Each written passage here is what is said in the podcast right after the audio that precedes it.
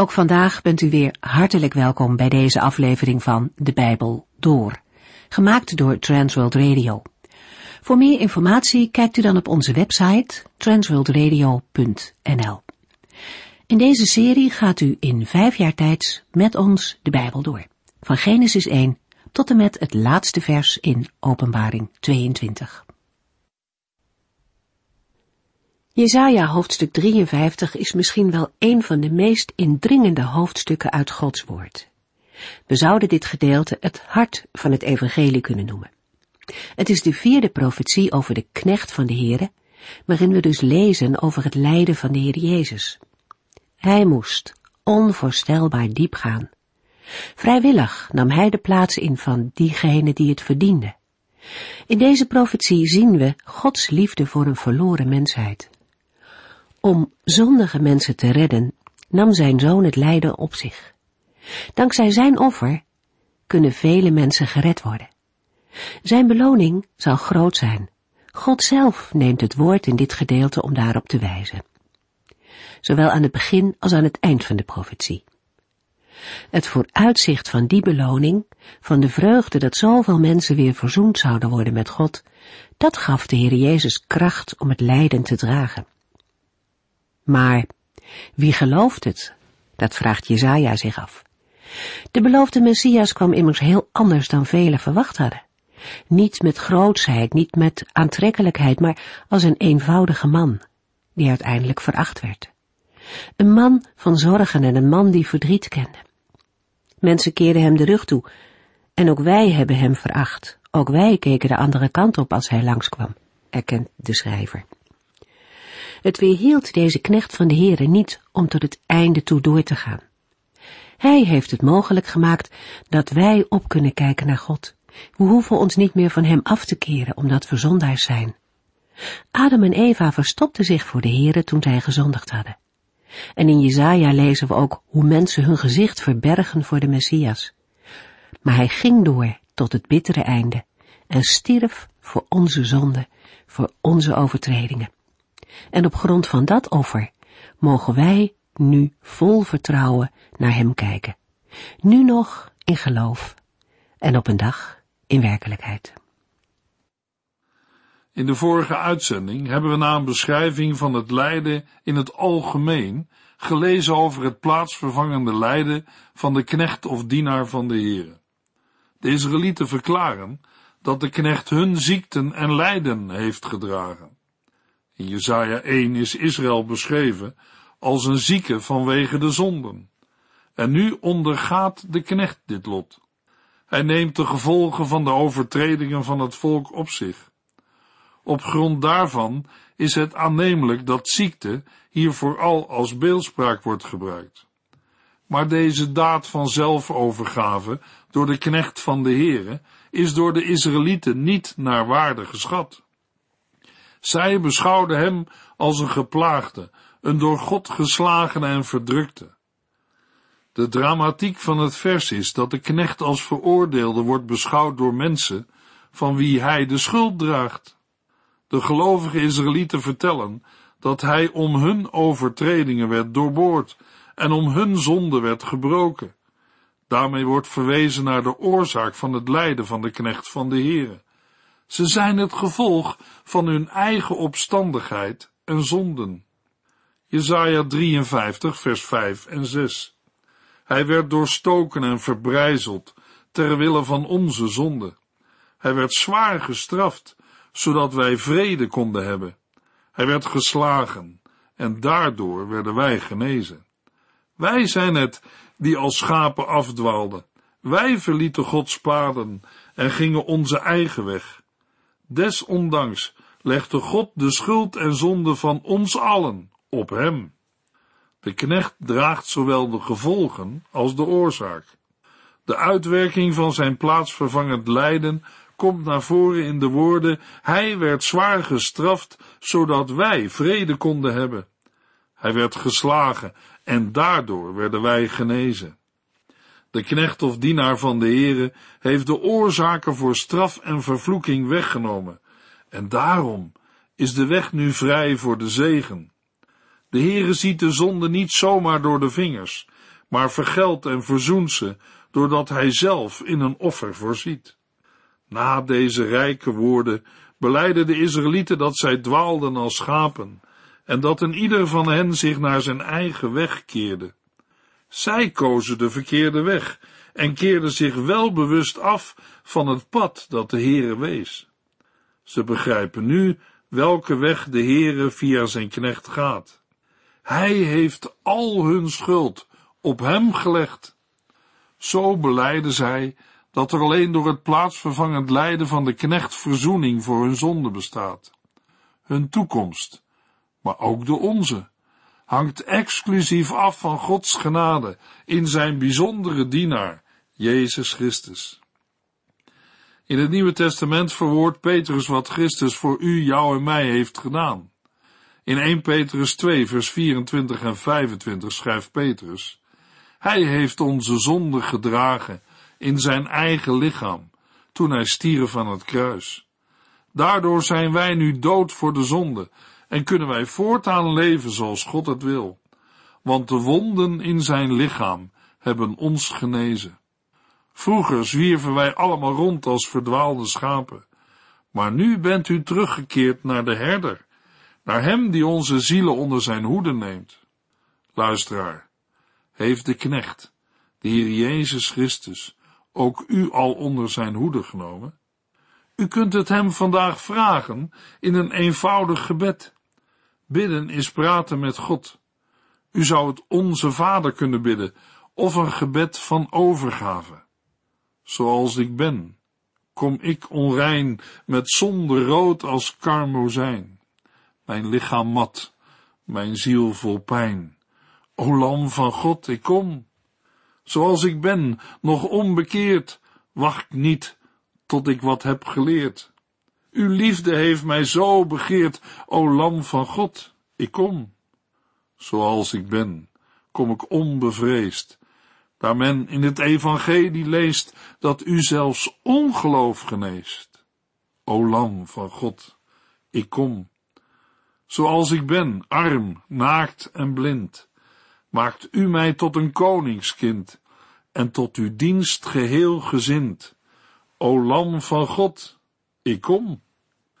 Luisteraar, het probleem van ons mensen is wat Jesaja 53 vers 6 verwoordt. Wij zijn het die als schapen afdwaalden. Wij verlieten Gods paden en gingen onze eigen weg. In Spreuken 14 vers 12 hebben we gelezen, soms denkt iemand op de goede weg te zijn, maar blijkt die naar de dood te voeren. Maar daarbij, zegt Jezaja, is het goede nieuws. Desondanks legde God de schuld en zonde van ons allen op hem. De Heer Jezus wijst geen weg naar de dood, maar naar het leven. Hij zegt, ik ben de weg, de waarheid en het leven. Ik ben de enige weg tot de Vader. Wilt u, wil jij op zijn weg gaan? Jezaja maakt het al duidelijk in het Oude Testament. Toen Christus aan het kruis stierf, nam hij uw, jou en mijn plaats in. Hij had niets verkeerds gedaan. Hij was heilig, onschuldig, onbesmet, afgescheiden van zondaren. Hij was de knecht en dienaar van de Heere, die zichzelf gaf voor de redding van u, jou en mij. Christus stierf geen martelaarsdood, hij omhelsde geen verloren zaak. Hij werd door God verlaten, opdat wij, u, jij en ik, nooit van God verlaten zouden leven en zijn. Christus is ook niet uit op onze sympathie voor wat Hij voor ons heeft gedaan. Zijn opdracht is duidelijk. Na ontvangen genade zegt Hij, volg mij. Hij is het lam van God dat de zonde van de wereld wegneemt. Hij nam uw, jou en mijn plaats in en verzoende ons met God. Nu zijn wij van Hem en de vrede van God, die alle verstand te boven gaat, zal ons behoeden in Christus Jezus onze Heere. Jesaja 53 vers 7 tot en met 9. Hij werd in een hoek gedreven en mishandeld, maar zei geen woord. Hij was als een schaap dat voor de slacht weggebracht werd. Hij deed zijn mond niet open, zoals een lam stil is, terwijl het geschoren wordt. Door een onrechtvaardig vonnis werd hij weggenomen, en geen van zijn tijdgenoten had er oog voor dat hij werd weggerukt uit het leven. Maar wie van al die mensen realiseerde zich toen dat het hun zonden waren waarvoor hij stierf? Dat hij hun straf op zich nam? Men had hem als misdadiger willen begraven, maar hij werd gelegd in het graf van een rijke, omdat hij niets had misdaan, nooit een verkeerd woord had gezegd, en in hem geen onrecht werd gevonden. Na de verklaring van het plaatsvervangende lijden van de knecht, volgt een verdere beschrijving van de weg die de knecht van de Heere ging. Vers 7 begint met de nederige onderwerping van de knecht. De gelovige Israëlieten verklaren dat hij werd verdrukt en vernederd. Bij alle nare en verschrikkelijke dingen die mensen hem aandeden, deed hij zijn mond niet open. Dit stilzwijgen maakt duidelijk dat de knecht zijn lijden aanvaarde. De onderworpenheid van de knecht wordt toegelicht met het beeld van een lam dat naar de slacht wordt gebracht, en van een lam of ooi dat stil is terwijl het wordt geschoren. Het dier beseft niet wat er aan de hand is, maar de knecht weet het wel. De nadruk in Jesaja 53 ligt niet op het offerlam, maar op de houding van onderwerping van de knecht. Toch is het een opvallend beeld. Het slachten van een lam gebeurt meestal met het oog op een offer. Het is mogelijk dat de uitroep van Johannes de Doper in Johannes 1 vers 29 Kijk, het offerlam van God, hij neemt de schuld van de wereld op zich, op Jesaja 53 vers 7 teruggaat. In de beschrijving van het gehoorzame schaap ligt ook een tegenstelling met de opstandigheid van de Israëlieten, die in het vorige vers werden omschreven als schapen die hun eigen weg gaan. In vers 8 blijkt dat de knecht uit onderdrukking en oordeel werd weggenomen. Hij werd weggenomen uit het leven en stierf. Van zijn generatie had niemand oog voor de weg die hij ging. Hij werd zelfs afgesneden uit het land van de levenden, vanwege de zonde en overtredingen van het volk. In vers 9 wordt gesproken over de begrafenis van de knecht. Een groep mensen wilde hem als misdadiger begraven, omdat ze hem zagen als een crimineel. Maar hij werd gelegd in het graf van een rijke. Waarschijnlijk staan misdadigers en rijken hier parallel en wordt dezelfde groep bedoeld.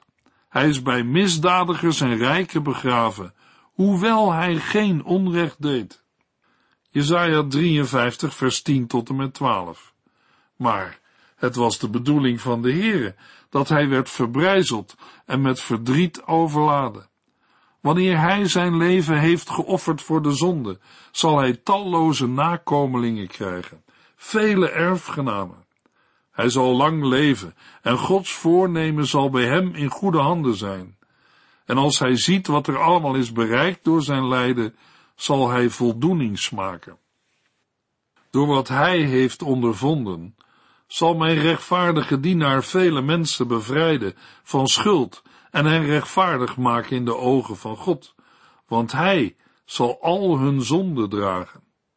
Daarom zal ik hem de eerbewijzen geven van iemand die machtig is en in hoog aanzien staat, want hij heeft zichzelf in de dood gegeven.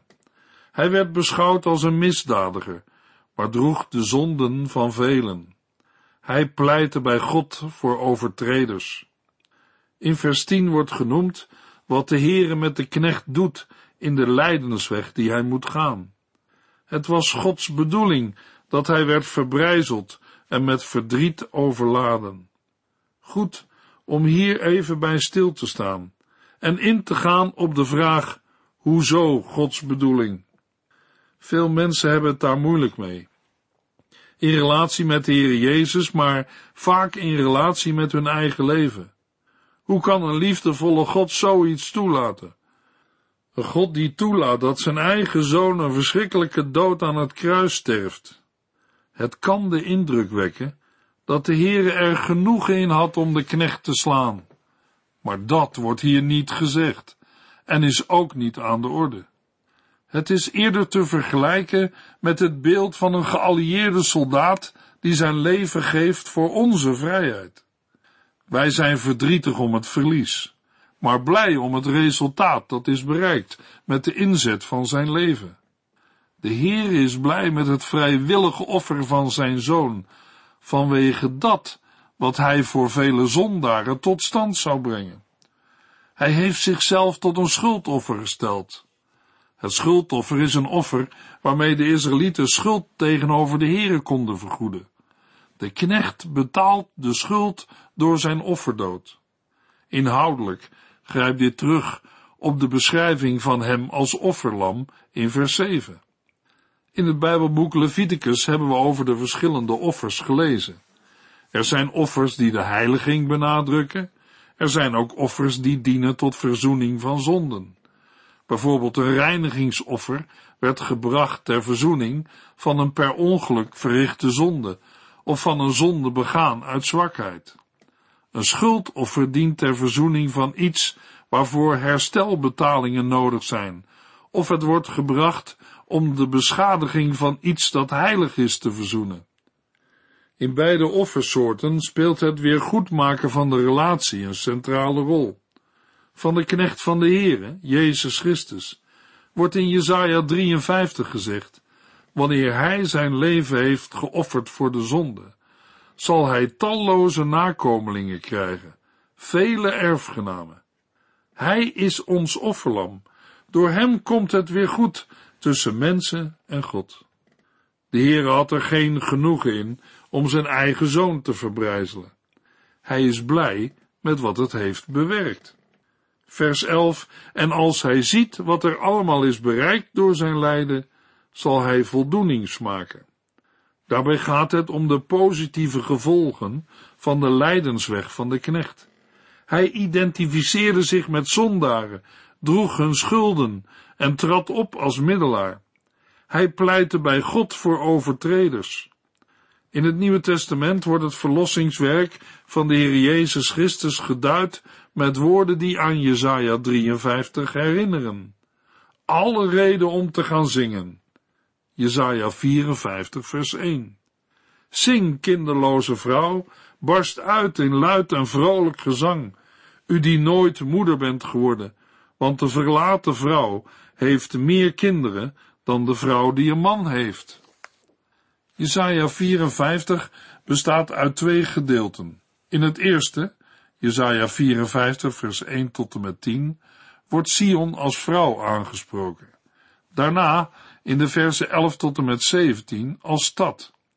Dat Sion hier aangesproken wordt, is duidelijk uit het verband van Jesaja 49 tot en met 52.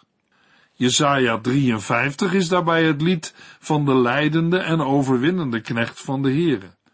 Door hem is het mogelijk dat aan Sion een heilrijke toekomst in het vooruitzicht wordt gesteld. Jesaja 54 gaat niet over vergeving van zonde of over herstel van een eerdere situatie, maar geeft een beeld van een eschatologische toekomst. Jesaja 54 opent met de oproep om voor de Heer in gejubel en gezang uit te barsten. Deze opdracht wordt aan iemand gegeven die niet wordt genoemd, maar bij wie we op grond van de vorige hoofdstukken aan Sion moeten denken. Sion wordt eerst een onvruchtbare vrouw zonder kinderen genoemd, terwijl ze eerder wel kinderen had. Het meest aannemelijk is dat Sion op dit moment geen kinderen kan krijgen. Onvruchtbaarheid was een schande in een maatschappij waar de eer van een vrouw vooral afhing van het aantal kinderen, bij voorkeur jongens, om de bestaanszekerheid van de familie te waarborgen. Kinderloosheid werd ook aangevoeld als zeer vernederend voor de vrouw. Maar dit beeld, dat nu nog geldt voor Sion, zal Babylon typeren. Deze vijand van Jeruzalem wordt hier niet met name genoemd, maar is wel bedoeld. Sion staat eerherstel te wachten. Jesaja 54, vers 2 tot en met 6. Maak uw huis groter, bouw er stukken bij aan, breid uw huis uit. want u zult uit uw voegen barsten. Uw nakomelingen zullen de steden in bezit nemen die tijdens de ballingschap werden verlaten. En zij zullen regeren over de volken die hun land in bezit namen. Wees niet bang, u zult niet langer in schande leven.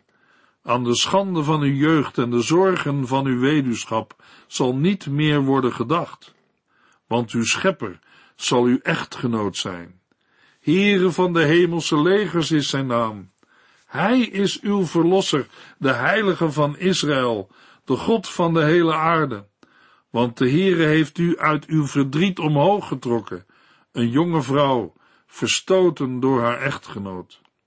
Met het beeld van uitbreiding van het huis herinnert de profeet aan Sarah, Rebecca en Rachel, onvruchtbare moeders, die in tenten woonden en die toch kinderen kregen, uit wie uiteindelijk Gods volk is voortgekomen. Zo onmogelijk als het leek voor een verstoten vrouw om te baren, zo onmogelijk oogt het eerherstel van Sion. Maar Sion of Jeruzalem moet bedenken hoe de Heere ooit onvruchtbare vrouwen tot moeders maakte van zijn volk. Het beeld van de kinderloze vrouw past ook goed bij het beeld van een vrouw die op jonge leeftijd weduwe werd en tot haar schande de kans niet kreeg om een gezin te stichten. De betekenis van dit beeld houdt op in de verse 5 tot en met 7, waar de Heere de echtgenoot van Israël wordt genoemd. Hij is haar maker, losser en de heilige van Israël en de God van de hele aarde. Sion of Jeruzalem voelt zich als een verlaten vrouw, vol verdriet. Maar de Heere roept haar nu opnieuw tot zich. Jesaja 54 vers 7 tot en met 10. Voor een korte tijd heb ik u verstoten, maar met een groot medelijden zal ik u weer bij me laten terugkomen. In een moment van toorn keerde ik mijn gezicht voor een korte tijd van u af. Maar met eeuwige ontfermende liefde zal ik mij over u ontfermen, zegt de Heere, uw verlosser. Net als in de tijd van Noach, toen ik zwoer dat ik de aarde nooit meer door een grote watervloed zou laten overstromen, zweer ik nu dat ik mijn toorn nooit meer zo over u zal uitgieten als nu het geval is want de bergen kunnen wegzakken en de heuvels verdwijnen, maar mijn eeuwige ontfermende liefde zal u niet verlaten. Mijn belofte van vrede aan u zal nooit worden gebroken, zegt de Heere, die zich over u ontfermt. De tijd van verlatenheid, waarin de Heere zijn vriendelijke aangezicht verbergt, is klein in vergelijking met zijn grote liefde en altijd blijvende ontferming, waarmee hij Sion verlost.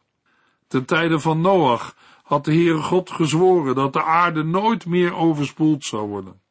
Zo zweert de Heere dat zijn toorn Sion nooit meer zal treffen en hij haar niet meer zal straffen. Al zouden bergen wijken en heuvels wankelen, Gods goedheid wijkt niet. Zijn vredeverbond wankelt niet. Jesaja 54, vers 11 tot en met 17. Ach, mijn mishandeld volk, uit het lood geslagen en diep in de problemen. Ik zal u herbouwen op een fundament van saffieren. De muren van uw huizen zal ik van kostbare juwelen maken. Ik zal uw torens van glinsterend agaat en uw poorten en muren van glanzend edelgesteente maken. En al uw kinderen zal ik, de Heere, onderwijzen, en zij zullen grote voorspoed hebben. U zult leven onder een rechtvaardig en eerlijk bewind. Uw vijanden zullen op een eerbiedige afstand blijven. In vrede zult u leven. De verschrikkingen van een oorlog zullen u niet meer teisteren. Als een volk tegen u ten strijde trekt, ben ik het niet die hen stuurt om u te straffen. Daarom zal dat volk worden verslagen, want ik sta aan uw kant. Ik schiep de smid die de kolen in de oven aanblaast en vernietigingswapens maakt. En ik maakte de legers die vernietiging zaaien. Maar in die tijd zal geen enkel wapen dat tegen u wordt opgeheven succes hebben. En elke leugen die in de rechtszaal tegen u wordt ingebracht, zult u kunnen weerleggen. Dat is de erfenis van de dienaars van de Heere. Dit is de zegen die ik u heb gegeven, zegt de Heere. Jezaja spreekt over de opbouw van de stad, die de wanhoop nabij is. Zonder voorziening in haar levensbehoeften, zonder stabiliteit, zonder ontferming. Maar de Heere herbouwt Sions fundamenten met hoogwaardige materialen. De toekomst van de stad is schitterend en gaat de huidige werkelijkheid te boven. Die beelden komen terug in openbaring 21 en 22. Hoewel de Heere de controle houdt over de wereld, gaat niet elke gebeurtenis van hem uit. Hij zit niet achter elke aanval en niet elke koning of ieder leger opereert op zijn initiatief. Een totale afwezigheid van vijandelijkheden voor Gods volk is pas mogelijk op de nieuwe hemel en aarde. Dan is de tijd gekomen waarin geen wapens meer worden gehanteerd.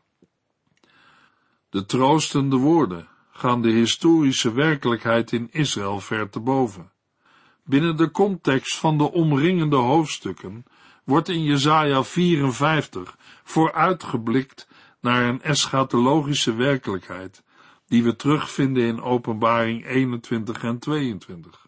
Voor Jesaja's tijdgenoten en latere lezers was de realiteit vaak anders dan hier wordt verkondigd. Maar des te meer reden om uit te zien naar de voleinding van alle dingen, want de volheid van het heil moet nog komen. In de volgende uitzending lezen we Jesaja 55. U heeft geluisterd naar De Bijbel Door, in het Nederlands vertaald en bewerkt door Transworld Radio.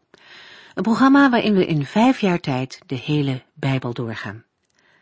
Als u wilt reageren op deze uitzending of u heeft vragen, dan kunt u contact met ons opnemen. Tijdens kantooruren kunt u bellen op 0342 4784 32. 0342 478432. Ook kunt u een e-mail sturen naar de Bijbel door at en natuurlijk kunt u ook via de post ons bereiken. TWR, postbus 371, postcode 3770, AJ in Barneveld. Dit programma werd gepresenteerd door Cor Weda en Ike André. Techniek was in handen van Odin van Voorkom. En wij allemaal bedanken u voor het luisteren. Graag tot de volgende keer.